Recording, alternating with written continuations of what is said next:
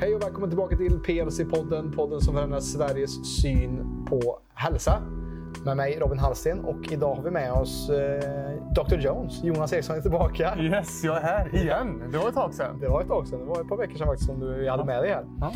Och eh, i detta avsnittet Jonas, först och främst, hur, hur är läget så här eh, idag? Hur, vad, hur, hur mår du? Du, det är ganska bra Ja. faktiskt. Innan Är det. dyker in i ämnet. När vi spelar in det här avsnittet, avsnittet så är det bara några dagar efter midsommar. Ja. Och vi har pratat lite om det själva. Att det, midsommarrutinerna ser lite annorlunda ut. Ja. Eh, Mot kanske som det ser ut eh, vanligtvis. Exakt. Och vi har känt oss faktiskt, vi är också coacher, li- lite sega har vi sagt. Ja. Men det är tillåtet det också. Eh, Det Ja. är lite av det vi kommer att prata om idag. Att livet, en typ av balans betyder inte att det ska vara strikt hela tiden. Nej, exakt. Men jag känner att jag har tagit mig tillbaka till rutinerna bara några dagar efter. Eh, Så jag känner ändå att jag är på banan. Ja, härligt. Då? Jo, men det, det är ju så att midsommar har varit liksom, eh, lite mindre sömn. Och man har varit uppe lite sent. Och man kanske har eh, tagit en öl eller så. Och, och det märks ganska fort också. Eh, särskilt när man brukar ta ganska väl hand om rutinerna så märks det ganska fort när man inte gör det. Eh, så att här är vi. Eh, och eh, vi kommer ju prata i det här avsnittet lite om just när vi, när vi snackar om saker man kanske går ur rutin eller misstag så kommer vi att just eh, prata om de tio vanligaste misstagen som vi ser eh, kring våra klienter. Som också lite som blir lite tips också för er som lyssnar och kollar på detta att kunna ta till er kring de här eh, misstagen som vi ser så ofta. Och bara med att rätta till de här tio misstagen som många gör så kan man göra väldigt mycket på egen hand och man kanske inte behöver oss. Men sen ska det vara skönt att ha oss eh, som guidning ifall man känner att man är intresserad av det också. Men detta är ju framförallt också för våra klienter som lyssnar också vad vi ser är vanligt efter att ha jobbat med hundratals. Du har jobbat med snart tusentals, om inte mer än tusentals nu eh, under den tiden du har jobbat med PLC. Och jag kan säga att vi har verkligen fått ner. Vi var väl ganska eh, överens om att de här vet jag vi hela, hela teamet är överens om, men även vi två. Om att det här ser vi så ofta. Alltså jag har ju sett det i flera, flera år. Vi ser det nästan varje vecka. Eh, vilket har både med mentala och fysiska aspekter att göra. Eh, så jag tror att många som lyssnar på det här kommer känna igen sig i att oj, så där tänker jag. Eller oj, det där misstaget har jag gjort många, många gånger. Eh, så att meningen lite med det här eh, avsnittet är lite att eh, ja, men hur kan vi tänka istället? Eh, För att gå in i de här fällorna igen. Det är tanken. Och att, att det är så också att i och med att vi har jobbat med många människor så ser vi också ett tydligt mönster. Att mycket av det som man tror är personligt är ganska universellt med problemen också. Och det är väl det vi vill eh, lägga ett ljus på detta också. Och vi har inte satt, det är ingen så direkt ordning på dem utan jag har bara shoppat ihop de här till tio olika rubriker. Vi kan börja med nummer ett som jag har skrivit. Som är också en av de viktigaste sakerna som vi ser med de klienter vi jobbar med som har problem med. Och det är just att man kompromissar med sömnen. Det är nummer, eh, punkt nummer ett helt enkelt här idag. Eh, och eh, Det kan ju inte, behöver inte bara vara att man kompromissar men också att sömnen är problematisk på grund av stress också såklart. Då. Men lite, lite som grund till detta då att eh, jag skulle säga att sömnen ihop med stressen är den vanligaste boven till folkhälsoproblemen som vi har idag. Kopplat också med att många spenderar Alltså sista man gör innan man går och lägger sig är att man sitter och kollar på nyheter eller skärm, alltså sitter med mobil eller Netflix eller någonting. Vilket gör att man har svårt att somna. Eller att man kanske vill kolla på ett till avsnitt av sin serie istället för att lägga den tiden på sömnen. Och det är så också med många utav, många utav de nya studier som vis- också visar också att ligger man på sömnbrist, alltså man ligger man under sju till, alltså när man ligger på 5, 6, 7 timmar, så ökar också eh, riskerna lavinartat för hjärt-kärlsjukdomar, eh, cancer, kognitiva problem som Alzheimers och, och sånt och även diabetes. Eh, vilket är väldigt, eh, väldigt intressant att kolla på just att sömnen är vår viktigaste läkare egentligen. Vad tänker du här kring sömnen, Jonas? Ja, jag säger samma där. att Det är vår viktigaste läkare och jag skulle nog säga att det är den delen som, som de flesta bortprioriterar mest. Vilket innebär att de tar inte sömn på allvar. Utan det är mer att ja, men jag sover, jag klarar mig, jag tar mig igenom dagen. Och, och tänker att men så länge jag klarar mig, då borde jag väl sova okej. Men sen får vi reda på att men du sover fem timmar, du sover sex timmar. Eh, och de har inte själv, många har själv inte reflekterat över att det här är inte bra och kanske inte heller har fått informationen och blivit införstådda i eh, bieffekterna av det. Som du precis nämner. Och, man kan ju fortsätta hur länge som helst med inflammationsnivåer, vi pratar om kortisolnivåer, vi pratar om hur det påverkar hormoner, sötsug, hjärntrötthet. Alltså det är så många aspekter mm. eh, som många försöker kanske lösa i andra områden. Mm. De tänker att nej, svaret borde väl finnas i maten. Eh, och som ni som är klienter och som lyssnat på oss tidigare så vet ni om att maten är en del av detta. Mm. Men många som kommer till oss första gången har kanske inte själva blivit införstådda och fått kunskapen om att sömnen är prio ett. Mm. Eh, och det blir ett uppvaknande för många. Och för oss är det lite märkligt mm. att du har gått igenom det här livet i 40, 50, 60 år eh, men inte liksom tagit sömn på allvar och fortfarande letar något magiskt piller någon annanstans ja. till din trötthet eller till ditt sötsug. Ja. Det måste finnas någon annanstans. Ja, men har du testat att sova? Mm. Som vi brukar säga. Mm. Uh, så jag ska säga att det är bland det vanligaste mm. uh, misstaget mm. som folk gör. Ja precis, och då, då är det lätt att man går in i andra substanser. Man hittar energin, tom energi som man brukar säga, ja. i kaffe. Eh, och också att vår blodsockernivå också eh, scramblas, eller den blir liksom inte lika optimal om man har en dålig mm. natts sömn. Och, och, det kan också många nog märka, som jag märkte nu efter midsommar, att jag känner mig mycket mer hungrigare och liksom ett sötsug efter jag hade sovit två nätter i rad ganska dåligt. Mm. Eh, och, och, det är så intressant att man får känna på det själv ibland också, när, vad som händer när jag är lite ur rutin och när det är ljust ute och det är svårt att somna och den biten. Va? Mm. Eh, så att där är det ju viktigt att sova sina åtta timmar. Mm. Men också framförallt är det viktigt att sova på rätt tid av dygnet också. Att, mm. att vi följer också den biologiska klockan som vi har. Att helst sova mellan 10 och 6 mm. förslagsvis. Då. Mm. Eh, för att om man skjuter på det för mycket så, så eh, sabbar vi också vår optimala reparation fysiskt och mentalt mm. också.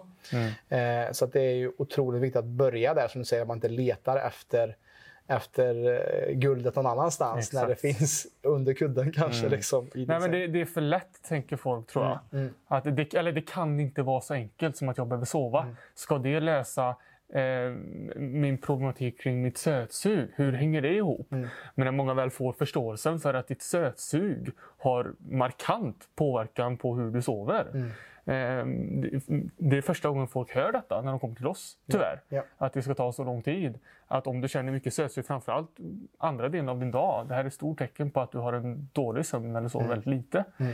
Ehm, det har inte att göra med att det är något fel på det, att ja, men jag har väl svårt för att stå emot jämfört mot någon annan. Mm. Eh, och det är oftast inte det som är fallet. Oftast är det någonting som är ur balans. Mm. Eh, och sömnen är en vanlig del. Ja. Det.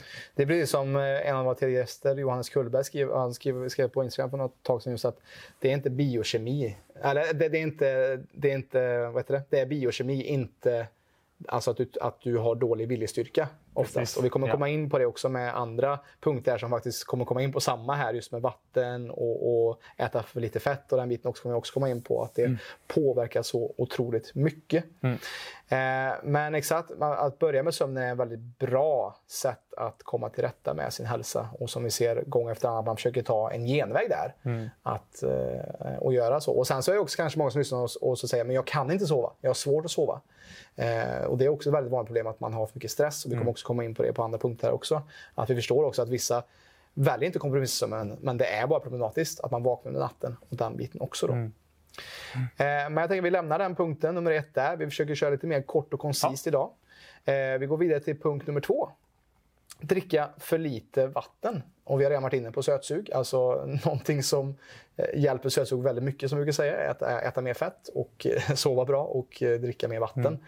Mm. Eh, och vad många inte inser att, att, att dricka för lite vatten, eh, det gör att man kanske då försummar alla de här viktiga kroppsliga processerna som vi har eh, som behövs när det kommer till eh, vattnet. Till exempel att det behövs till exempel eh, i den mest energikrävande processen vi har med matsmältning och sånt också. Att många kanske är förstoppade men vet inte varför. Kanske för att man inte druckit nog med vatten.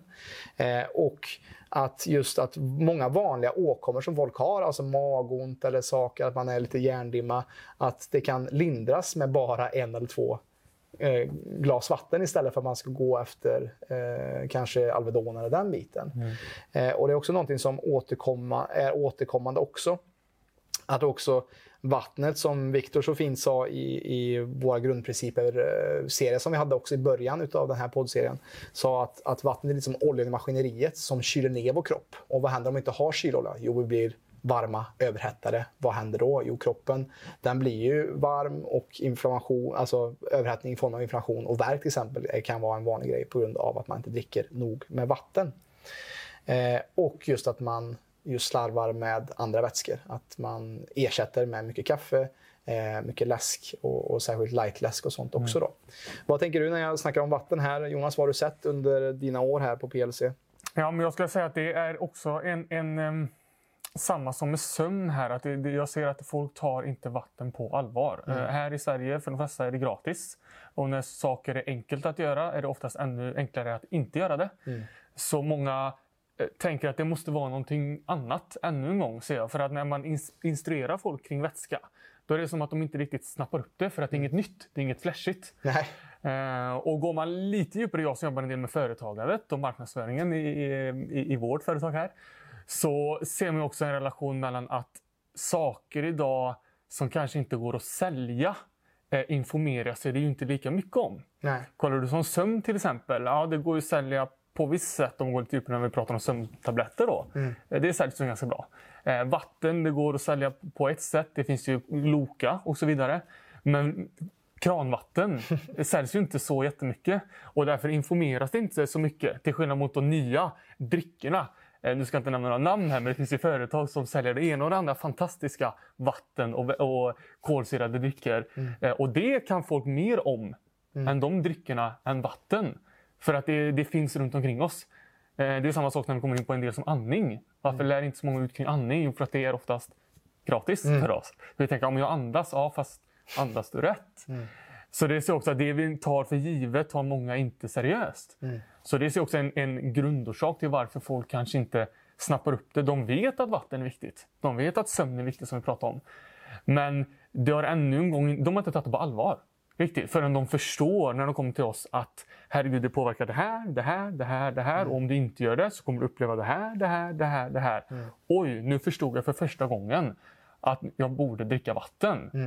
Um, och vi ser ju folk som börjar göra det, att det händer ganska så stora förändringar. Ja, över lång tid så ja. är det klart att då kommer kroppen balansera ut sig mm. mer och mer då och, och hjälpa till kroppen. Och många förstår inte att andning och, och om man andas på rätt sätt och dricker vatten, att det kan också mm. hjälpa.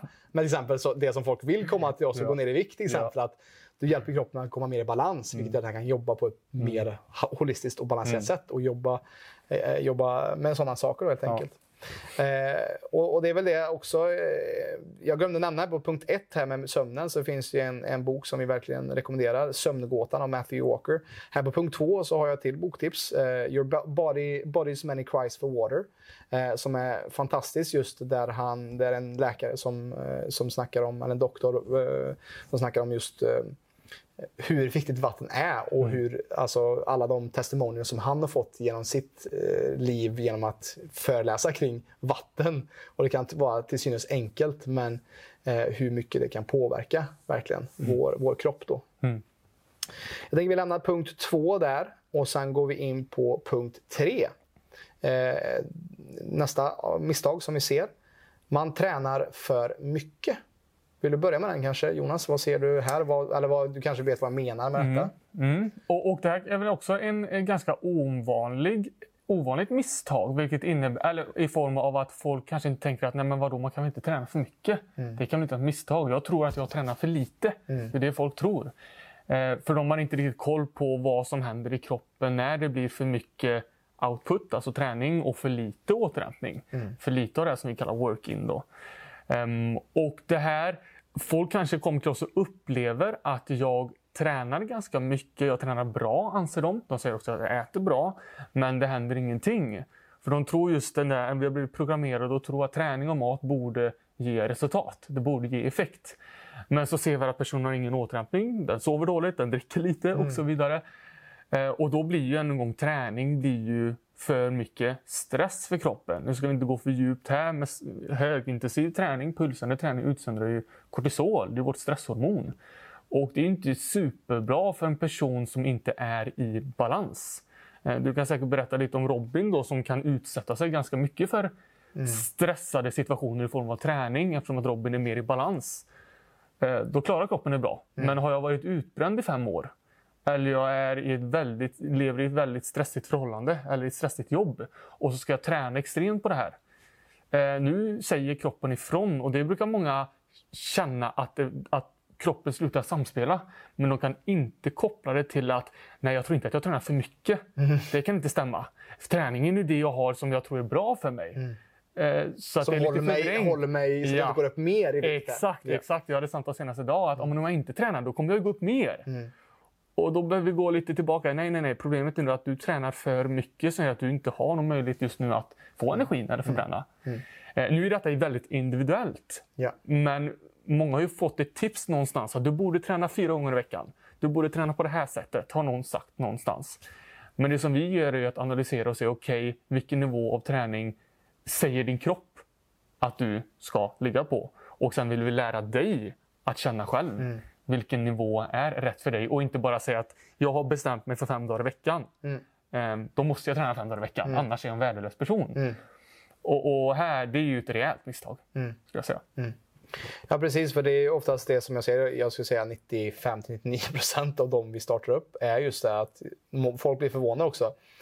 Ja, du behöver inte träna mer, utan du behöver lägga mer fokus på avslappningen och återhämtningen. För vad händer om vi ständigt har pulshöjande aktiviteter som folk upplever att de mår bra av? De bara, mm. ah, men jag, kan köra, jag känner mig stark och jag känner liksom att jag kan blåsa jag får energi. Jag får energi. Ja. Men sen hur mår du då ett par timmar efter det passet och hur sover du? Mm. Och hur mycket gör det här verkligen nytta i ditt liv? För att Ligger också på en 6-7 timmars sömn efter ett hårt pass? Det, det, grejen, förstår, folk glömmer bort det att, att vi bryter ner, det är katabol eh, aktivitet när vi mm. tränar. Vi bryter ner kroppen för att sen kunna bygga upp den. När bygger vi upp den? Jo, när vi när vår kropp med sömn, när vi dricker nog med vatten och andas på ett korrekt ja. sätt och äter bra mat mm. som är, är mm. liksom energirik. Eh, och det är det som många eh, har just, håller kvar i träningen som att har jag inte en högre nivå med träningen så kommer jag gå upp. Då kommer jag explodera i vikt. Men vad man måste också se är hur är din stressnivå? Vart är din kortisolnivå i kroppen och hur mycket skapar det här verk och inflammation? Mm. Och har mycket verk och inflammation i kroppen så är det också svårt för kroppen att komma i balans och att också jobba på ett, ett hållbart sätt. Helt enkelt. Så det är det vi ser här just med att träna för mycket att, eh, att ibland så behövs det mer kanske bastubad eller ta ett varmt bad eller meditera för att just hämta hem energi innan vi kan göra oss av med energi. Så det är väl eh, punkt tre helt enkelt där och där har jag faktiskt inget boktips. Jag hade det på de två andra. Mm. Men, eh, men tänk mycket på till exempel ja, meditation, lugna former av yoga, qigong. Bara ligga i hängmattan nu på sommaren mm. är ju ett perfekt sätt att bara ta det mer lugnare. Mm. Kanske byta ut den här dagen när du har bestämt att du ska träna men du är lite trött. Då kanske du ska ta det lite lugnt och göra mera lugn aktivitet helt mm. enkelt. Vi går vidare till punkt nummer fyra Jonas. Eh, och den här har du eh, bidragit med. Att, att man tror att man har en begränsad tid för sin hälsa. Att det ska vara en två veckors diet eller att det ska vara eh, 16 veckor eller 6 mm. weeks of hell. Eller 16 weeks of hell eller, och sen efter det så är, då, då är det klart. Ja. Då, då kan vi checka av hälsan och, inte, och sen kan vi gå tillbaka till ja. tidigare mönster. Ja, och där, jag kan säga att hela samhället programmerar oss att tro att du har en viss tid på dig. Liksom 6 kilo, 6 veckor. Mm. Eller 16 weeks of hell som finns det program. Och det finns det ena och det andra som pågår i vissa perioder. Eh, och det är ju även våra, vår coachning pågår också i en viss period. Mm. Men vi blir så programmerade att tro att när jag väl tar den här hjälpen, då ska jag få all förändring under den här perioden. Mm. Så tänker folk att jag vill ha resultatet när de här åtta veckorna, tolv veckorna, halvåret är klart, vad det nu är. Då ska jag ha fått resultaten som jag önskar. För att eh, om jag inte har nått resultaten, nej, då har jag misslyckats, tänker folk. För att jag vill ha det här målet på ett halvår. Nu, fick jag inte, nu nådde jag inte målet. Det innebär att jag har misslyckats. Vilket är helt fel tankesätt. Eh, meningen med att du tar hjälp borde vara att du förstår mer om din egna kropp. Som jag brukar säga, du vill lära dig mer om dig själv. Eh, så om du tar någon typ av helhetshjälp, vilket vi alltid rekommenderar att göra, då vill du förstå så mycket som möjligt under den här perioden. Du vill få så mycket lärdomar som möjligt om din kropp. Inte generellt om hälsa eller om träning. Du vill förstå vilken nivå av träning funkar för mig. Mm. Vilken typ av mat, vad funkar i min vardag, eh, vad funkar för min sömn och så vidare. Så att jag sen kan fortsätta min hälsosamma livsstil och så småningom nå mina mål. Om det nu blir om åtta månader, eller två år eller tre år, det har egentligen ingen betydelse. Men om du inte lär dig vad som funkar för dig, eh, då har du egentligen inte fått en förändring. Mm. Och, och, det som jag mäter, om man säger så, förändring på är ju inte vad som står på vågen. Det som jag lyssnar efter i mina coachingsamtal är ju hur mycket har du lärt dig om dig själv. Om jag säger att personen har gått ner 10 kilo, men den förstår inte varför. Och den har gjort det genom att svälta sig. Mm. Då säger jag till den här personen att du har ju i princip inte förändrat någonting än. Jo, säger personen, jag har gått ner 10 kilo.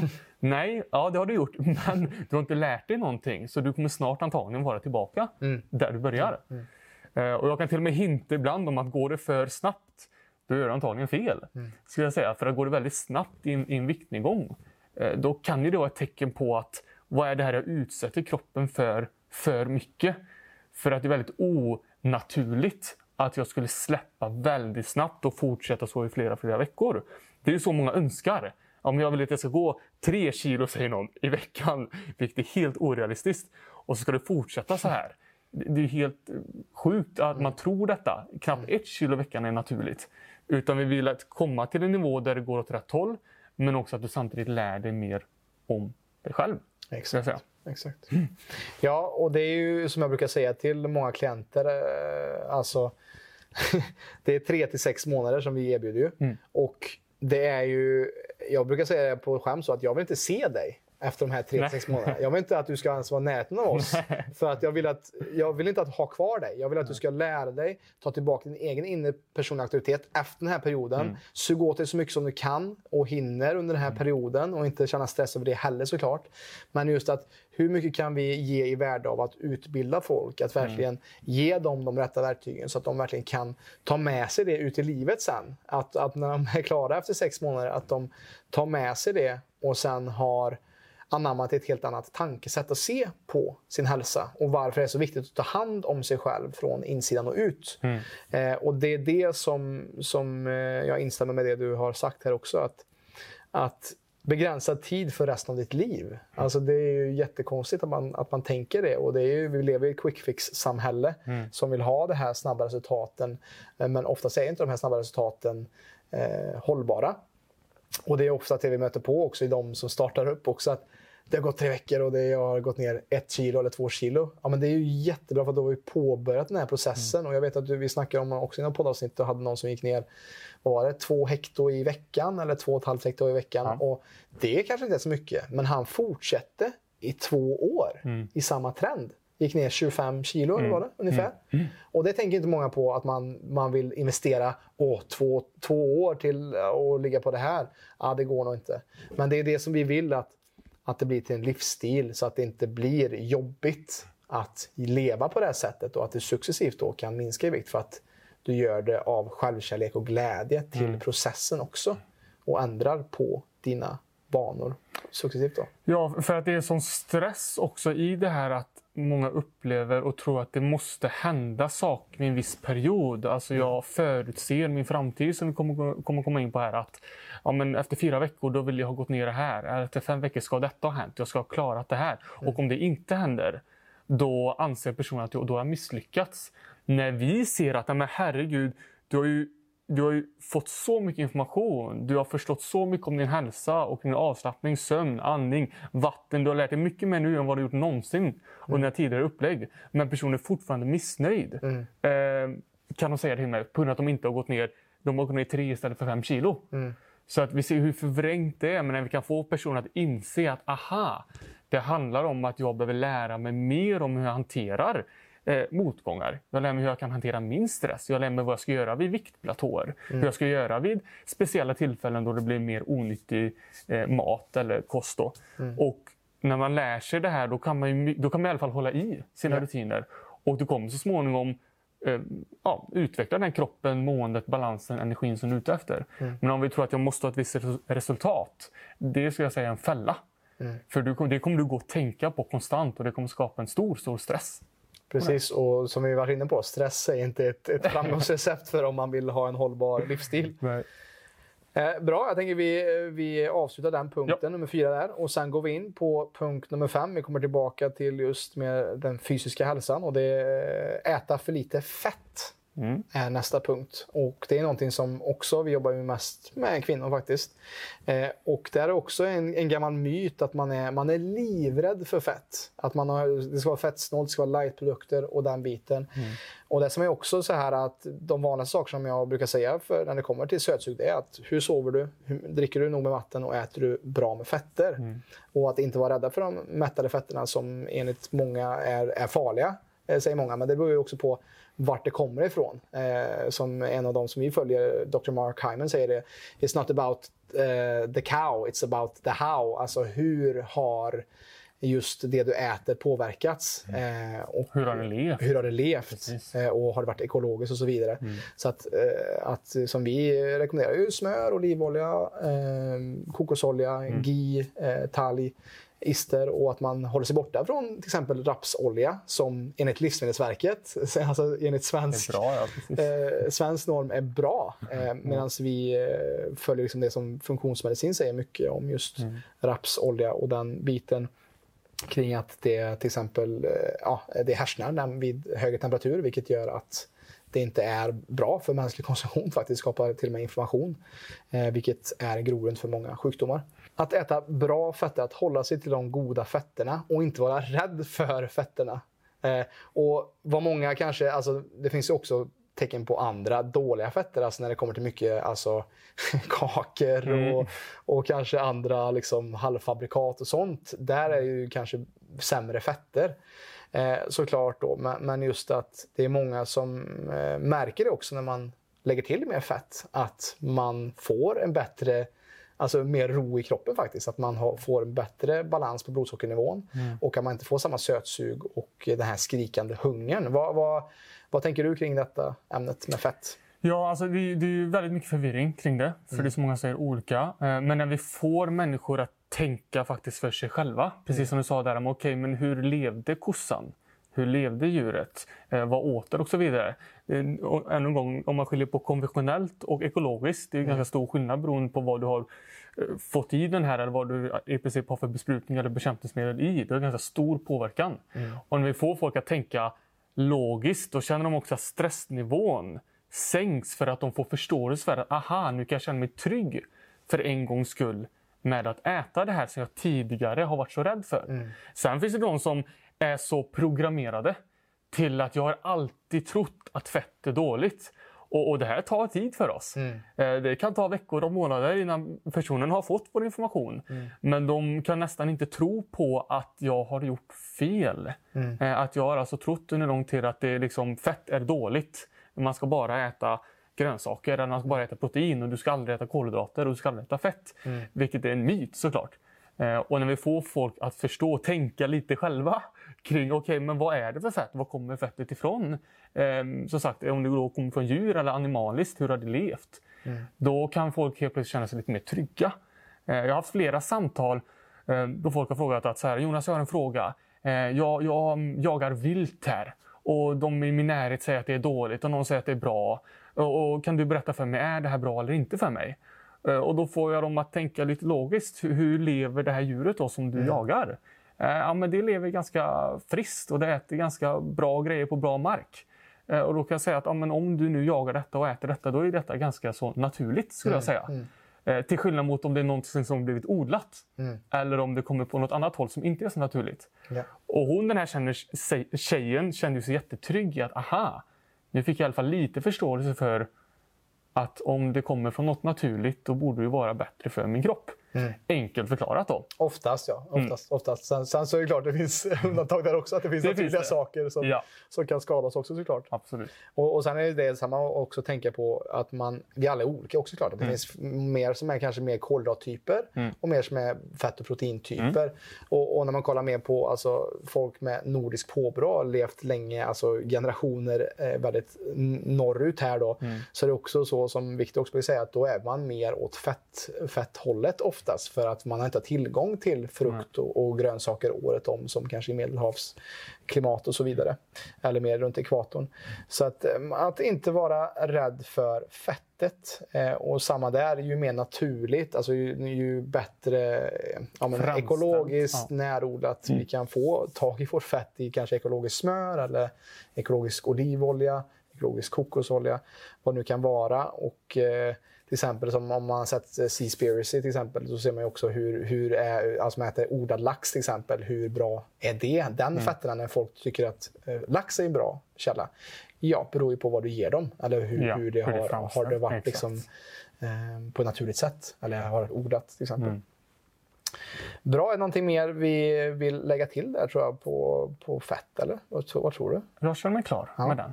Nå någonting som många inte tänker på det är just, att, just med att man är rädda för fett och så äter man mer kolhydrater den biten också. Att just när man kollar på fett och kolhydrater så kolhydrater går ju åt snabbare i, när det kommer till blodsockernivån. Liksom. Mm. Så att fett, att lägga till fett ihop med kolhydrater är ju en bra kan göra en bra mix. För att när det mixas i magen så gör det också att din blodsockernivå blir mer stabilare mm. och inte att det går rakt upp och rakt ner. För att det är så med snabba kolhydrater eller socker med högt GI-värde att det gör ju också att blodsockernivån går upp och sen går det ner och så kraschar man. Men med hjälp av bra och hållbara fetter så gör det också att det kan levla ut då den här blodsockernivån. Då, ja, och, och en sista del där är också att mm, de flesta har ju testat på någon att räkna kalorier mm. och tror att det är liksom vägen till viktnedgång eller mm. hälsoförändring. Och då har man då kollat på fett såklart någon gång och ser man att om en fett innehåller ju mycket kalorier. Mm. Och det är inte bra, för mycket kalorier tänker folk att det är inte bra för mig. Jag är nu på en resa här då jag ska äta mindre kalorier, tror människor. Mm. Så då tänker man, men då kan jag ju enkelt dra ner på fett fettet, för det är mycket kalorier. Mm. Så då drar ner på det. Men problemet med det är ju att fettet är essentiellt för vår funktion. Alltså våra funktioner. Hormonella Exakt. balanser, ja. Absolut. Så att nu helt plötsligt så försämrar du i slutändan mm. kroppens funktioner, organ och hormoner. Mm. Mm. Eh, vilket inte är bra. Nu, nu, ofta de här företagen som kanske jobbar med kaloriunderskott och kaloriräkning går ju oftast inte så här djupt. De förklarar ju inte om vilken effekt det kan ha mm. av att när det blir ja, för lite kalorier då, eller dra ner på det. Mm. Det kan ju göra en kortsiktig förändring, det vet vi mycket väl. Mm. Eh, men det kommer ju i slutändan förstöra många funktioner och mm. det kommer rubba hormoner om man gör det under en längre period. Ja. Och Det är också en av de vanligaste anledningarna till att folk har en som det kallas rubbad hormonbalans eller rubbad ämnessättning för att de har utsatt kroppen för ohälsosamma förhållanden. Um, och det personen kanske har märkt att ja, min kropp har slutat samspela. Ja, min kropp reagerar inte lika bra längre. Mm. Men kan kanske inte riktigt relatera det till att det kan mycket väl ha att göra med att du har gått på 13 bantningskurer. Mm. Och du har räknat kalorier i flera år åt gången. Ja. Eh, och det här är inte bra för våra kroppar. Utan Nej. vi får folk att äta fett och riktig mat. Mm. Precis, riktig mat. Precis.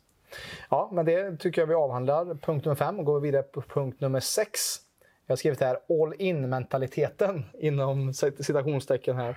Eh, och det är någonting som vi stöter på så ofta. Ja. Att folk kommer in och de har samma tänk som eh, för sexmånadersprogrammet som man kanske har med en veckas fasta eller två veckors program mm. när man ska gå ner så mycket som möjligt. Och man vill göra allting på en och samma gång. Mm. Man vill börja sova bra. Man, vill, man ska andas eh, alla 20 000 andetag på en dag balanserat och bra. Man ska dricka det vattnet, man ska minska på kaffet, man ska eh, daladala, göra träningen och man ska göra mm. avslappningen. Eh, och det är någonting som aldrig är... När det kommer till, eh, brukar jag säga också, när det kommer till en tusamila resa så börjar det alltid med ett enda steg. Mm. Och det är någonting som, för att få också hållbar förändring, så lägger du på för mycket Eh, säg att jag brukar jämföra liksom, tankebanorna i, i hjärnan som att man har en autobahn med det som man är van med. Och sen när du ska börja ett nytt, en ny väg i livet så måste du ta avfarten här från den här autobanan och in på en liten då är det en liten djurstig i början i skogen. Du får trampa upp den här. Och ju, ju mer du försöker lägga på den här djurstigen, det kommer inte liksom funka. Nej. Du måste ta små steg åt gången här, för annars, och annars är det lätt att man sugs tillbaka till autobanen för att det, var, det är det enklare. Mm. För din, du måste tänka om så mycket på ah, hur var det nu med maten och, och bla bla. Och då är det enklare att gå tillbaka till kanske snabbmaten den biten. Så Vad tänker du kring det här? All in, att folk går mm. all in och har den mentaliteten när de kommer till oss? Ja, alltså jag tycker det, jag tycker det är ganska spännande. Under mina snart nio år som jag, som jag jobbat med det här så, så eh, nästan varje vecka en gång så är det nya klienter som säger att ja, men jag är en sån person som går all in mm. och har något tankesätt om att det är bara jag som tänker så här. Det är så spännande. Att, att liksom, du är bland de 99,9 som säger exakt samma sak. Så jag tror att du är en person som går all in. Jag skulle mer säga att vi människor har en tendens till att mm. tänka att när vi gör någonting nytt eh, och vi investerar ekonomiskt, energimässigt, tidsmässigt så vill vi se till att det blir bra. Mm. Så att det ligger nog i oss människor att vi vill se till att göra det bra ifrån oss. Mm. Eh, men att använda det lite som att om jag är en sån person. Eh, det blir lite fel här för att om du intalar dig själv att jag är en person som måste göra allt. Jag är en person som måste se till att det blir perfekt. Eh, nu kommer det bli tufft här i en hälsoförändring. För en hälsoförändring ser aldrig perfekt ut. Du mm. kommer aldrig fixa allting strikt. Många är så vana vid att men nu ska jag göra en förändring. Då ska jag som du sa, ta bort socker, jag ska äta bra, jag ska göra allt det här samtidigt. För att den här gången måste det funka. Eh, och Jag brukar till och med dra det här exemplet att Säg att jag har en fobi för getingar, säger vi. Eh, och om jag då hör en geting surra vid, vid, eh, vid örat så här. Om jag har en fobi mot detta, då kommer jag antagligen springa så snabbt som möjligt åt andra mm. hållet. Mm. För jag vill absolut inte att det ska hända någonting, att den här ska sticka mig då. Och exakt samma sak är det med personer som kanske har varit med om att jag har, jag har misslyckats tidigare. Och jag vill absolut inte känna det här igen. Jag vill inte känna ännu ett till misslyckande. Så vad gör jag då? Jo, men det gör jag extremt åt andra hållet nu ska jag göra allt här så jag mm. ser till så att jag inte misslyckas den här gången. Mm. Men problemet är att det här slutar inte så bra och tror att jag ska göra extremt åt andra hållet, vilket är att jag ska göra allt som de säger. Jag ska göra så mycket som möjligt. Jag ska hinna med allting. Och det här vet vi mycket väl stressar upp kroppen. Det gör att du blir mer splittrad, det gör att du multitaskar mer, din kropp får aldrig slappna av.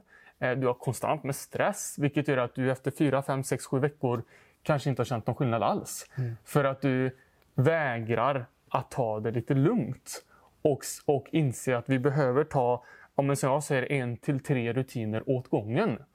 Och det här är jobbigt för folk att höra, mm. märker jag. Det är jobbigt att höra att nej, men, ska jag göra mindre än vad jag gör? Ska jag träna mindre som vi pratade om? Ska jag bara fokusera på de här i början? Svaret är ja, för det är det du aldrig tidigare har gjort. Utan många har liksom tänkt yes, nu är det dags, jag har betalat pengarna, jag har investerat. Nu ska jag se till att jag aldrig misslyckas igen, så nu måste jag göra allt yeah. för att inte det ska hända. Eh, så det kommer på ett sätt från en liten ska jag säga, en oro från att jag inte vill falla tillbaka, så därför blir det extremt åt andra. Mm. Men också i form av att nu vill jag få en effekt, så då tror man att då måste jag göra mer. Mm. Och som vi pratar om att eh, göra mer betyder inte att det är mer effekt. Och att det är bättre. Eh, exakt, det kan betyda att det till och med går åt motsatt mm. mm. håll. Ja. Eh, och det är svårt för en person att förstå innan de upplever det. Det, är, det, det låter inte så logiskt när man säger att om du är mindre så händer det mer. Mm. Det låter ju inte logiskt, men när personen börjar känna det, uppleva det, det är då insikten kommer att aha, jag har hållit på alldeles för mycket mm. de här åren. Ja. Och det är lite, jag tänker det också, eh, man, man hör mycket när det kommer till träning också att det är inget bra pass om jag inte har svettats och har träningsverk tre dagar efteråt. Och det är samma där, man går för hårt in. Mm. Och lite som Rune Larsson, vår första gäst i PLC-podden. Han, sa det att, han säger det i sin bok Löparglädje att spring så långsamt och så kort som du kan idag så att du kan göra samma sak imorgon. Och det är lite samma tänk här, det här långsiktiga tänket. För vad händer om vi ständigt bränner ut oss på gymmet och är svettiga och har träningsvärk? Vi kan inte träna dagen efter. Och vi har också, när vi ligger på den höga nivån också av stress när det kommer till det, att man har mm. sån träningsvärk dagen efter. Eh, det är inte ett tecken på att man har tränat bra. Det kan till vara ett tecken på att man har tränat för hårt. Mm. Och det är också att man ökar skaderisk. Eh, och det är det som är så kul med Rune Larsson som är en av de sprungit mest i hela världen som säger det också. Spring så långsamt och så kort som du bara kan. För en man som har sprungit liksom 25 mil på, på ett dygn ungefär.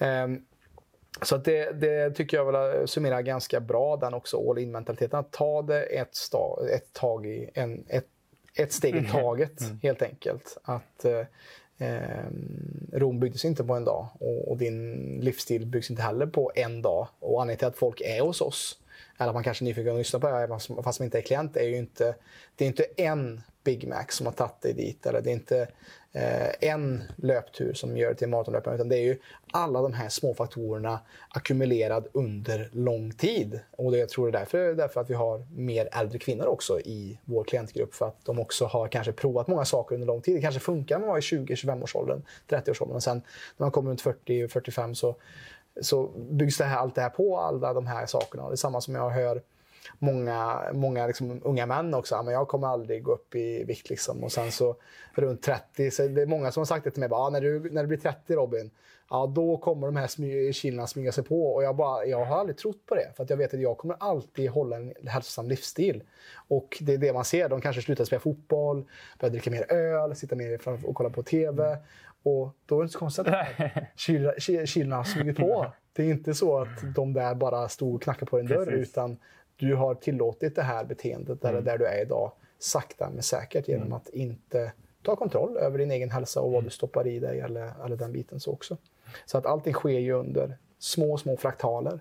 Och de små fraktalerna, de små dagarna, de, alla de här små nuerna som bygger upp hela vårt liv. Mm. Nummer sju då, Jonas. Mm. Eh, den här får du också börja med tycker jag. Förknippa kunskap med agerande.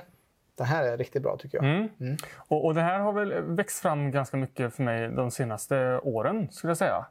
Um, och vad jag menar med det här att, att idag förknippar så många med att ja, men jag har hört det här innan. Uh, du kanske lyssnar på den här podden just nu och tänker att om jag har hört det här med vatten och sömn och jag ska andas rätt och rätt nivå av träning. Uh, men vi förknippar alltså den informationen och kunskapen med vad du egentligen gör, alltså ditt agerande.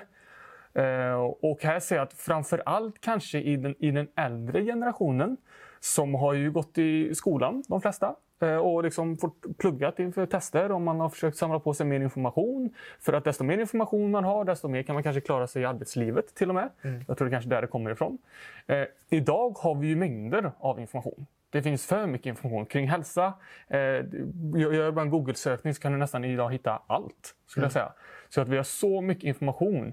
Eh, och många förknippar då med att ah, men nu har jag fått den här informationen eh, och de säger till oss att jag har redan hört detta. Jag kan redan detta. Eller jag har gjort det innan. Ja, men då säger jag att det, det, det skiter jag fullständigt i, kan jag till och med säga. Det enda jag bryr mig om är vad du gör. Eh, och det är en liten miss där att folk idag är väldigt bra på att kunna mm. och lära sig och bli utbildade. Men frågan är, gör du det du har lärt dig? Eh, om du har varit med på en föreläsning och noterat, gör du det du har noterat? Har du implementerat?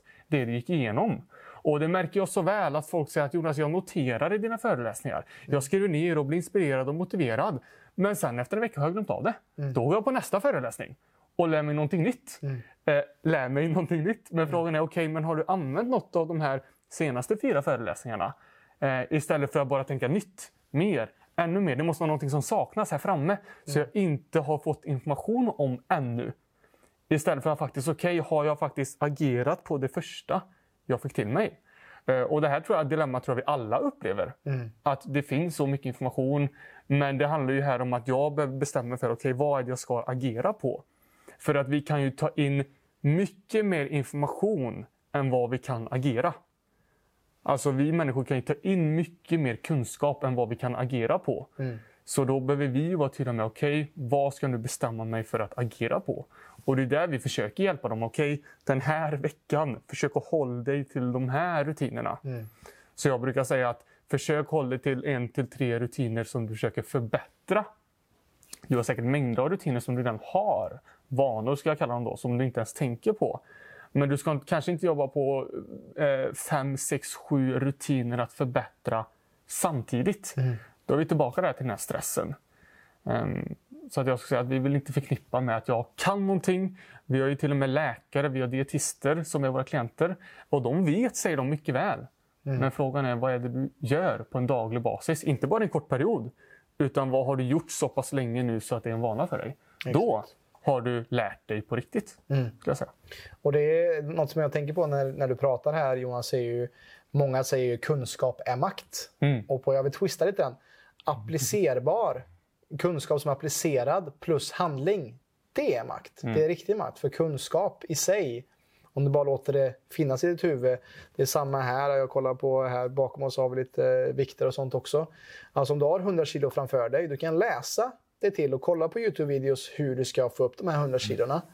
Men om du inte agerar och börjar lyfta den här så kan du teorisera hur mycket som helst och också hata på andra som gör det du vill göra. Det ser vi också mycket på internet. Alltså många tangentbordskrigare mm. som kan allt, men de är inte i fältet själva och prövar och visar sig liksom sårbara. Och Det är någonting som många helt enkelt glömmer bort. Som du säger, så att ja, men jag kan detta. Ja, men gör du det då? gör du detta? Alltså, för det är ju samma eh, som jag ofta säger, jag använder mycket skärmtid i våra uppstartsamtal kring sömnen här också. Och det är samma där. Jag vet om den här kunskapen, men ändå kan jag ha svårt att lägga ifrån mig mobilen. Även fast jag vet att det har skadliga effekter på min Eh, insomningsprocess och att det utsöndrar kortisol när jag kollar på skärmen. Mm. Så därför, även fast jag har kunskaper, så kan det ibland vara svårt för oss också tror jag, som coacher att mm. så shit, jag vet ju att det här inte är bra. Alltså. Mm. När man jobbar med det så, ja. så blir man ju ännu mer medveten om man får lite, köra en liten realitetscheck också ibland. Mm.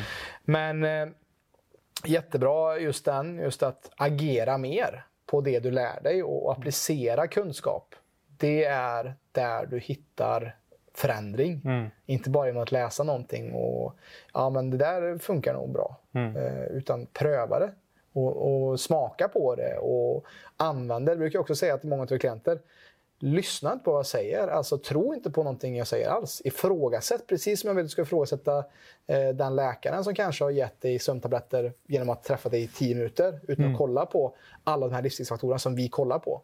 Att, att just ifrågasätt allt och se och pröva applicera det som de säger. Pröva det som vi säger. Pröva att äta mer fett här. Pröva att agera mer. Och se vad, hur förändras ditt liv. Mm. Förändras det något bättre? Ja, då kanske du kan lyssna mer på oss då. Eller mindre. Om det, kanske, det här kanske inte var för mig. Det här funkar inte för mig. Um, så att, uh, att tänka på det, att just att pröva själv och vara en egen vetenskapsman i ditt eget liv mm. och se vad som funkar. Pröva dina egna hy hypoteser. Och vi har ju lite det faktiskt i våra grundvärderingar här i företaget. Att försöka agera på det vi har lärt oss och sen lära oss av vårt agerande. Mm. Alltså först måste vi lära oss någonting, information i första stadiet. Sen behöver jag agera på det jag har lärt mig. Och sen behöver jag också lära mig eller reflektera över agerandet. Mm. Funkar det eller inte? Mm. Jag vet att det funkar för systern, ja. eller för brorsan eller för uh, kollegan. Men bara för att funka för den behöver jag ju lyssna på, okej, okay, funkade agerandet för mig? Och då kanske slutsatsen var nej det var inte rätt för mig just det här agerandet. Mm. Då behöver jag lära mig av nästa agerande då. Men vi stannar idag, många stannar vid lärandet. Jag har hört det, jag har sett det. Ja, fast du har inte gått igenom processen än. Mm. Så att, att du hört det, det, det skiter jag i, säger jag där. Eh, och verkligen säger det här lite brutalt för att verkligen, det är inte det som räknas. Det är, har du agerat på det? Mm. Har du reflekterat det? Har du, har du stresstestat det, som man säger? Mm. Eh, det är inte förrän då du egentligen har lärt dig om det funkar eller inte. Mm. Pröva i praktiken mm. och segla ut på den här båten med ja. nya kunskaper. Mm. Vi avhandlar nummer sju och går vidare in på nummer åtta. Eh, ett vanligt misstag som vi ser är att man projicerar sin historia till sin framtid. Och med det sagt så ett, ett uh, citat som jag tycker om här är Dina R visar vart du var, men inte vart du ska.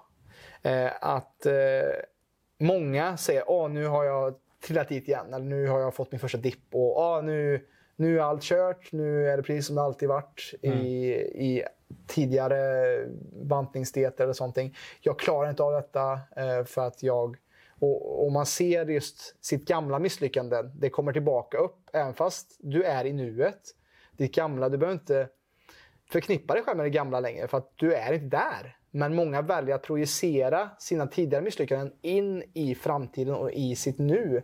Uh, och det skapar ju väldigt mycket problem. Mm. Alltså många är så fast i det här att Nej, men jag är inte bra nog, jag är värdelös, jag är misslyckad och jag kommer aldrig lyckas mm. för att jag har misslyckats med en sak eller flera saker i rad en gång i tiden. Mm.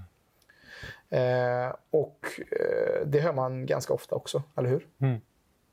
Ja, och jag skulle säga att det, på ett sätt är det en komplex del för att det här mönstret eller tankarna repeteras ju oftast omedvetet. Mm. Jag hör folk säga i samtal att jag är sån här, jag har alltid varit på det här sättet. Och jag hör ju också att de vet inte om att de säger det här. De tänker inte ens på vad de säger till sig själva. Mm. För säger de det till mig, då vet jag om att då går de och säger det till sig själva dagligen. Mm. Um, och, och, det är svårt att bryta de mönstren. Det är det. Men först måste vi lyfta upp det på ytan som vi försöker göra. Mm. Alltså att, att vi behöver påminna dem om att de här tankesätten, de här beteendena, det här som du tror om dig själv, det stämmer inte. Det hände för tio år sedan, men det stämmer inte nu. Och få dem att få lite hopp om att yes, jag har varit i en destruktiv relation. Yes, jag har gått på Vittebantiskuren. Yes, det funkade inte då. Men att börja nu se framåt. Om jag nu gör en förändring, ännu en gång, om jag nu börjar agera på det jag lär mig.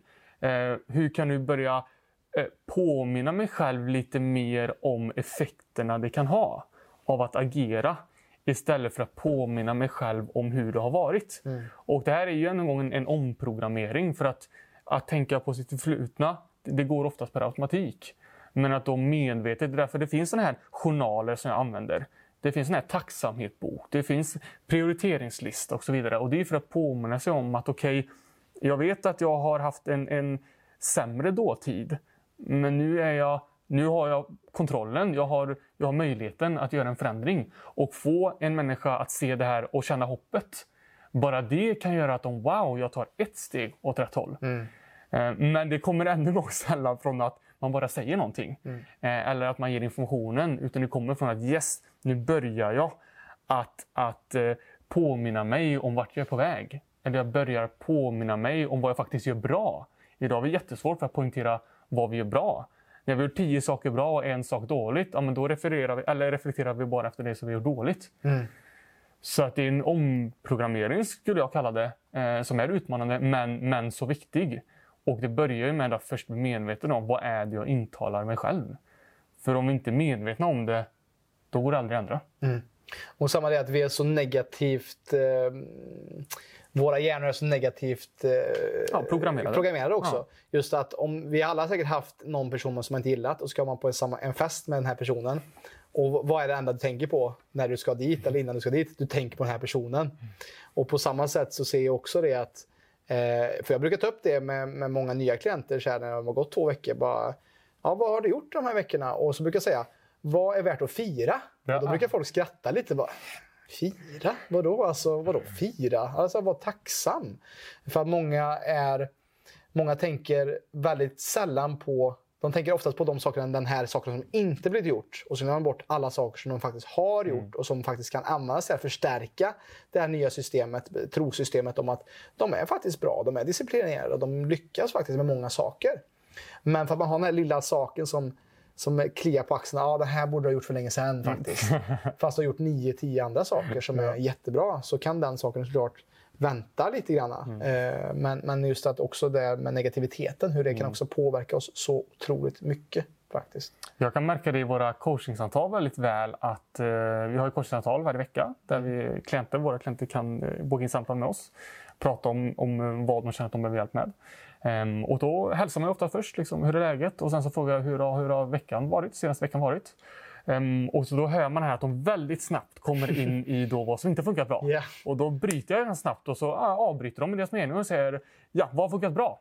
Mm. Frågar jag. Och då blir det tyst. Mm. För de, de, var inte redo på att de skulle nämna vad som funkar bra. De var mm. redo på att de, yes, nu ska jag nämna vad som inte funkar. Nu ska vi jobba på min skit här. ja, precis. Vad som inte funkar bra. Yeah. Så de märker att det blir, det blir tyst några sekunder där. För att jag hör ju här att de var inte beredda på att de skulle behöva nämna vad de gjorde bra. Och sen så tänker de om och säger att det här och det här och det här är bra. Eh, och då kanske vi, kanske vi ser här att då är det inte så mycket som du behöver förbättra härifrån utan du kanske behöver hålla i det som faktiskt funkar. Men folk är så, så vana vid och de är ännu en gång programmerade till att bara fokusera på men vad är det som inte har funkat. Men de reflekterar inte över vad som faktiskt funkar bra, som faktiskt tar dem framåt. Mm. Eh, för att det är också vanligt att många klienter har en önskan om att förbättra vissa områden. Vi säger energi eller vikt. Och sen så förbättrar de områdena. Men nu helt plötsligt så fokuserar de bara på det som inte funkar. Och reflekterar inte alls över det som faktiskt de ville ha från början. För att de har hittat ett nytt problem. Har de hittat. Ja. Istället för att tänka på att ja, men nu, är vi väldigt, nu närmar vi oss den livsstil som du var ute efter. Mm. Ja, men det har jag inte tid att tänka på. Utan då tänker de nästa utmaning. Och det är väl hälsosamt på ett sätt att tänka att jag vill bli ännu bättre. Mm. Men jag tror vi missar det här med vad ska fira. Ja, precis. Ja. Och hitta grunderna också så mm. man inte hela tiden sträva framåt, att man också kommer tillbaka till vad man är faktiskt nöjd och stolt över. Och, och, och firandet är en viktig del av livet som många glömmer bort också. Mm. Vi går rast vidare Jonas till punkt nummer nio. Här har jag skrivit “Lita mer på andra än sin egen röst och kropp”. Mm. Och här är mycket som eh, vårt första avsnitt var ju vik till detta. Ta tillbaka sin egen inre auktoritet som jag oftast i, i många av de avslutande samtalen som man har med kanske sista med klienterna att grattis att du har tagit tillbaka din inre auktoritet eh, när de har lyckats, alltså när de har skördat och firat. Alltså de har så mycket att fira mm. kring sin resa, även fast den kanske bara startat efter sex månader med oss. Eh, och Det är någonting som vi också nämnde i punkt 7 här också, att lita inte på vad vi säger. Testa det. Stresstesta det som du sa här. Och vi, är så, vi är en värld som är full av information, som vi också snackat om. Vi är en värld full av influencers mm. som, som har ett massivt kanske följande och såklart kanske vi kapitaliserar på, på sitt följeskap och sälja en produkt och mm. säga att det här funkar för mig och kolla på vad jag har gjort och alla den här energidrycken som, mm. vi behöver inte gå in på namn här heller, men just att många blir ambassadörer för produkter för att ja, men få en inkomst och tjäna pengar. Det är inget fel med det, men samtidigt vad, vad, vad vill, det är det som vad vill vi stå för också, PLC och, och den biten. Och, eh, just det att ta tillbaka sin inre aktivitet och lyssna verkligen på sin egen kropp istället för som vi också sa här med att man tränar för mycket. Man har hört någonstans att du ska träna fem gånger i veckan för att du ska uppnå resultat. Mm. Eh, att det är så otroligt viktigt att hitta sin egen kompass i en värld där många är så jäkla vilsna. Alltså. Eh, och att man följer likt eh, huvudlösa höns. Man bara springer runt och följer efter nästa mm. råd och rön på Instagram vad man ska göra och mm. så. Tankar kring detta? Ja, men det, det, det, är så lätt att ta till information från en annan. Som du säger. Och, och tro att ja, bara för att den har någon typ av auktoritet då, eller influencer eller har ett följandeskap så borde det funka för mig, vilket inte, inte alls stämmer. Mm. Eh, och att komma tillbaka till det här att okej, okay, vad sägs om att testa eh, något utav det och sen göra slutsatsen själv. Mm. Eh, istället för att bara tänka att ja, men, Eh, har Robin rätt nu? Allt som han säger, är det det som stämmer? För många idag vill liksom ha svaren innan de har testat. Eh, det är väldigt vanligt, faktiskt jag som jobbar en del med, med klienter och som vill ta vår hjälp och kanske förhoppningsvis bli våra klienter. De vill veta innan, vad funkar för mig? vad, vad ska jag äta? Eh, eh, hur ska jag träna de nästa sex månaderna? Mm. Och jag säger, ja, jag har ingen aning. jag, jag, jag, vet inte ens vad du ska göra om två veckor. Nej. Jag har ingen aning om. Men vi vill stötta dig och hjälpa dig och coacha dig i processen för att ta reda på vad som är rätt för dig. Eh, men folk är inte vana vid att lyssna på sig själva. Utan de är vana vid, för kolla bara på vad som säljs. Då är det att du ska göra så, eller så, eller så. Och om det inte funkar så är det fel på dig, får man höra. Mm. Om inte det här funkar, då är det fel på, på klienten då. Istället för att agera på det man själv känner att det här känns rätt för mig.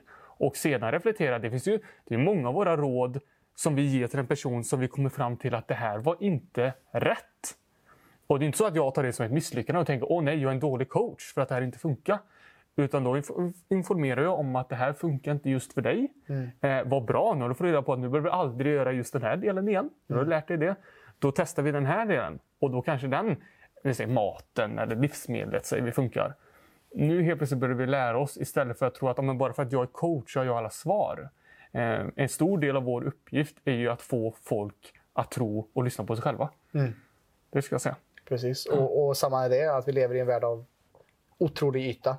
Mm. Och det är väldigt få som går till källan till saker och ting, går på djupet mm. och verkligen skrapar på mm. de här kanske Instagram-filtren eller den här fejka världen som, som vi oftast projicerar. Alltså, det är inte misslyckanden och de här svåra stunderna som man oftast får se på Instagram utan det är ju bara de här mm.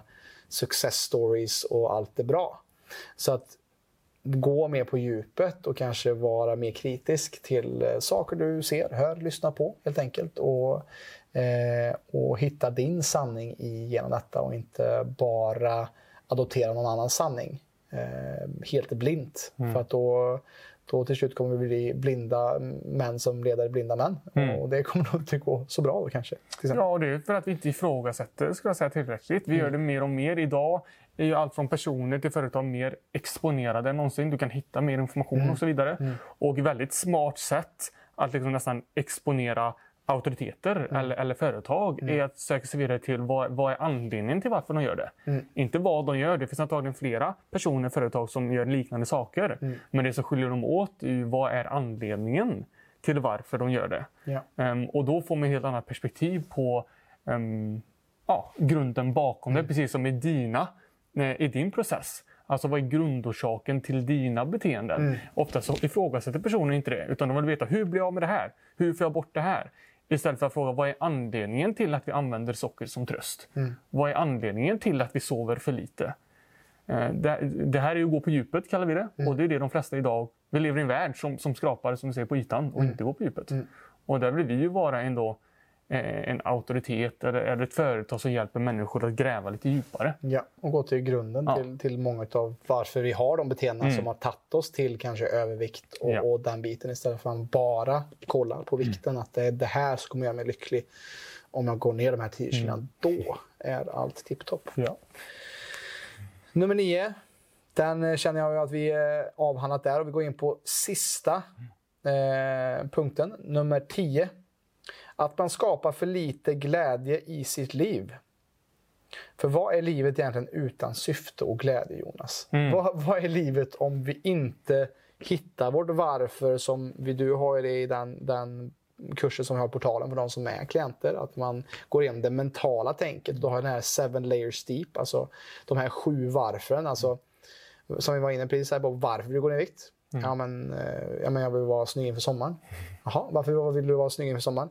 Jo, men då får jag mer uppmärksamhet. Okej, okay, varför vill du ha mer uppmärksamhet? Jo, men då får jag mer kärlek. Jaha, varför vill du ha mer kärlek? Ja, för att jag inte tycker att jag är bra nog. Okej, okay, varför tycker du inte att jag är bra nog? Nej, men min pappa sa att jag inte var bra nog. Okej, okay, varför? Och så att man går sju lager mm. ner i det här varfret. Eh, för att det är många som är här uppe men inte förstår varför. Mm. Vad är den här inre drivet, så vart det kommer ifrån. Och har vi då en negativt varför som ligger i grunden, som drar ner oss, så, så kommer vi aldrig komma någon vart egentligen här uppe. Om vi, inte, om vi är bara på toppen av isberget så kommer vi ingenstans. Och därför tycker jag den här är jätteviktig. Och vi har ju faktiskt den här i vår analys också, den frågan. Gör någonting varje dag som gör dig glad och som, som du tycker är kul mm. att göra? Och mm. många utav våra klienter, inte alla, men många, har fyllt in nej på den. Så jag brukar säga det. Så här är en viktig sak när det kommer till att få en hållbar livsstilsförändring. Om du inte har kul på resan, om du inte tar tid att göra saker som du mår bra av och som ger dig syfte i livet. Vad är det då för mening med livet du lever? Att bara dröna runt. Mm.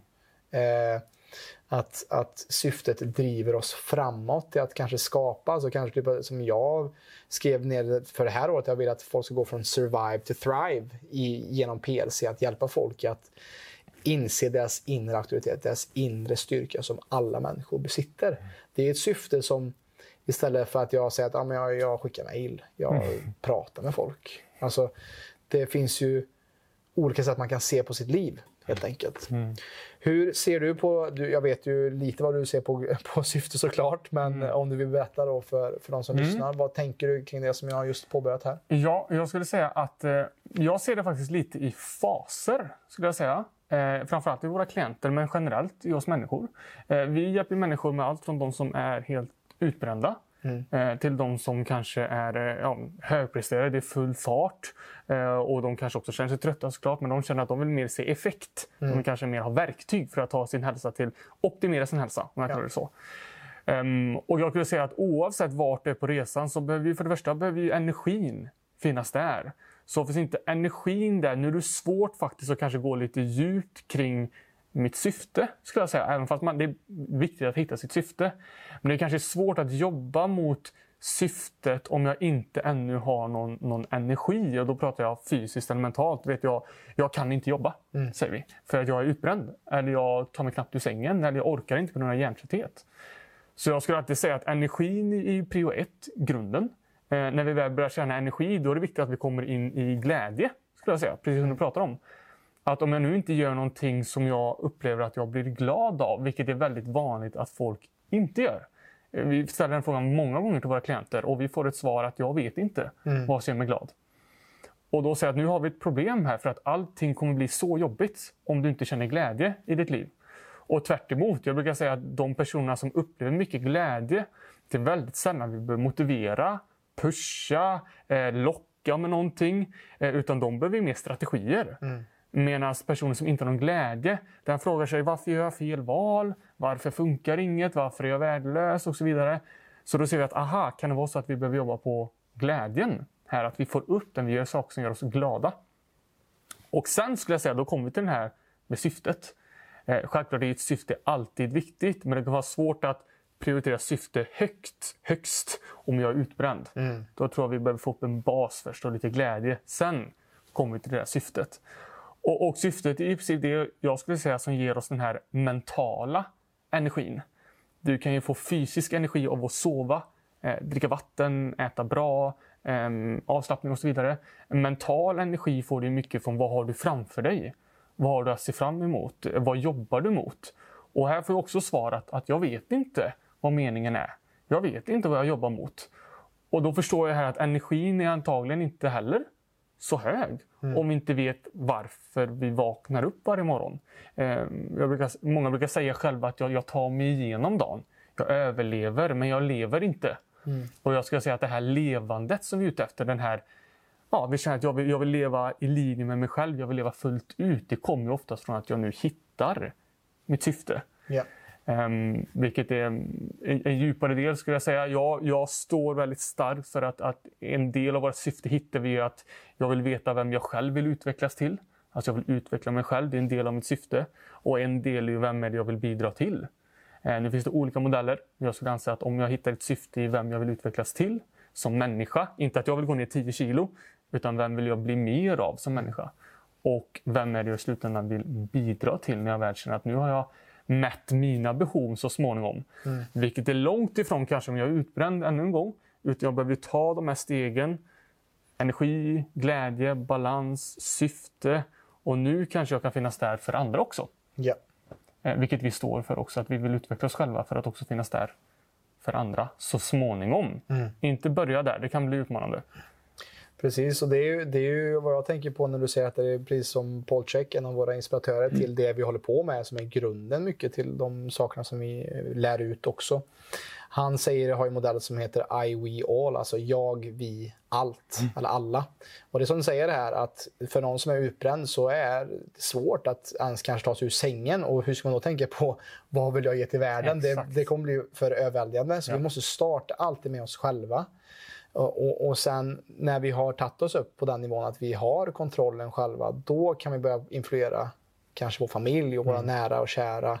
Och sen kan man jobba med kanske som vi försöker göra, att vi vill, vi vill verkligen förändra Sveriges syn på hälsa till ett mer holistiskt sätt mm. och ett helt annat tänk än vad vi har i dagens samhälle. Mm. Och det är det vi ser också. Vi har ju sett, jag har ju till exempel eh, som eh, ett av våra avsnitt med Selina till exempel. Där såg vi också väldigt tydligt när hon kom till oss att hon hade hjärtklappningar och, och svårt att ta sig igenom dagen. Och där var ju sagt, där fick vi ju hjälpa henne att bygga upp den här eh, fysiska hälsan. Och det var ju också, allt är ju också på grund av att hon tog steget och jobbade med oss och var redo att ta de stegen också. Eh, och och sen som hon berättade också så fint i avsnittet som gjorde mig så glad att höra också att hon har liksom initierat sina barn med att lyssna på min meditation för bättre sömn och nu vill hon liksom sprida annat också. Hon, hon skriver på en bok och, mm. och det är saker som kan ske när vi kommer mer i balans i vår egen hälsa och att vi kan också kanske bli bättre föräldrar, bättre partners när vi tar mer hand om oss själva och Eh, syfte kan ju vara en sån som drar oss framåt. För har vi inget syfte, har vi ingen kompass eller en polstjärna någonstans som drar oss framåt. Man behöver inte veta exakt var slutdestination ska vara. Men bara du har en tydlig bild av det så, så kommer du ju komma betydligt mycket längre än någon som inte har, som är helt vilsen mm. kring vad de vill göra med livet. Och då blir det också enklare att man såsar runt med sin tid till exempel på ja, vad vet jag, sociala medier där man inte har det tydliga varför eh, gör jag detta? Eller vad, vad, är, vad är summan av de här valen som jag gör idag? Vad kommer det påverka mig framöver? Här, mm. enkelt? Och jag skulle lite vilja översätta det du sa där, alltså att I, we, all, alltså jag, vi och alla. Mm. Och idag skulle jag säga att det är så många som vill vara i vi Alltså, vilket jag skulle kanske är mina närmsta då, alltså mm. min familj, kanske Just kollegor. Ja, ja. Och vill att eh, här, jag vill finnas där för mm. mina barn. Mm. Eh, och, kollegor och släkt och familj. Men vi har missat aj, alltså jag. Mm. Så att ja, men jag måste finnas där för alla. Ja, fast, fast nu ser vi att du eh, de är så högt upp på prioritetslistan och du är så långt ner. Mm. Så det här funkar ju sällan så länge innan det säger stopp. Mm. Innan hjärnan, hjärntröttheten, kroppen säger stopp. Och Många av de här tycker det nästan är själviskt att fokusera på jag. Mm. Men det är, det är den vägen vi måste gå. Att jag måste få upp mig på prioritetslistan för att jag sen ska kunna gå över till vi, fokusera mer. Jag kanske är där med mina barn fysiskt.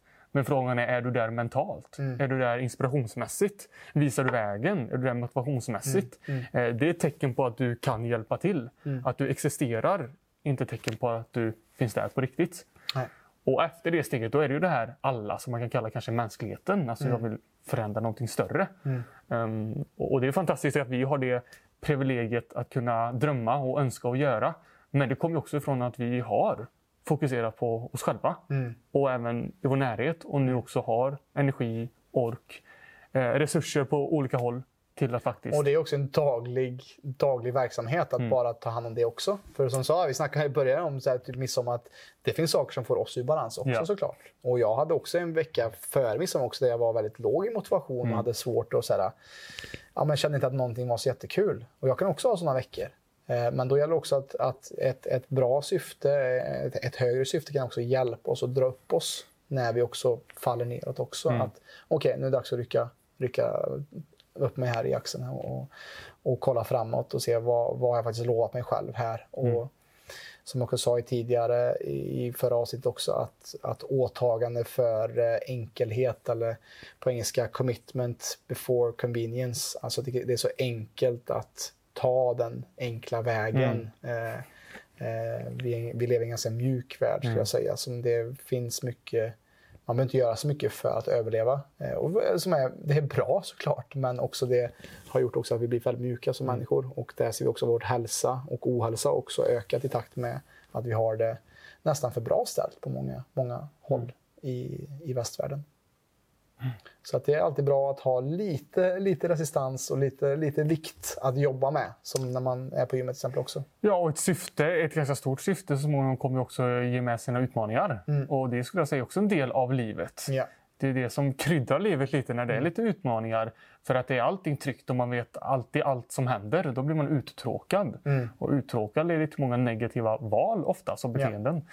Så att vi behöver de här, de här problemen, motgångarna. Så jag ser mm. såväl de här motgångarna som många tycker är så jobbiga. Mm. Eh, kan man också se som att herregud, här lär jag mig någonting. Ja. Eh, jag lär mig oftast faktiskt mest i motgångar än i framgångar. Exakt. Eh, så vi behöver dem. Vi behöver, vi behöver de motgångarna ja. för att skapa framgång av de motgångarna. Kanske till uh, make a message out of your mess, som man kan säga Precis. på engelska också. Det är väldigt fint tycker jag. Mm. Och på den punkten Jonas, nummer 10 är avhandlad. Ja. Så gör vi ner pappret. Och eh, det blev ett lite längre avsnitt än vad vi hade ja. tänkt faktiskt. Men det blev Men mycket intressanta mm. punkter som vi har tagit upp här. Eh, och eh, avslutningsvis då så eh, är man mer intresserad av att veta mer om oss så kan man ju kolla in framförallt vår hemsida www.plclub.se www.plclub.se Vi finns även på Facebook, Instagram, eh, på Youtube också. Mm. Spotify finns ju, är säkert, ni lyssnar säkert här, eller på, på Youtube då såklart. Eh, och eh, gillar ni det vi, vi står för, det här avsnittet kanske har fått dig att tänka på de här tio vanliga misstagen som du kanske själv gör någon av de här i ditt liv och kanske får dig att tänka om. Och kanske hade varit nyttigt för någon som du känner eh, i din cirkel att höra. Så dela för all del med dig av detta avsnittet så att vi sakta men säkert kan förändra Sveriges syn på hälsa. Tack för idag Jonas, för dina insikter och dina, dina viktiga incitament och grejer. Jag tappar orden i alla fall. Det är dags att avrunda här känner jag. Eh, och stort tack för att du har lyssnat eller kollat. Eh, så ses vi helt enkelt i nästa avsnitt. Tack för denna gång. Snyggt. Boom.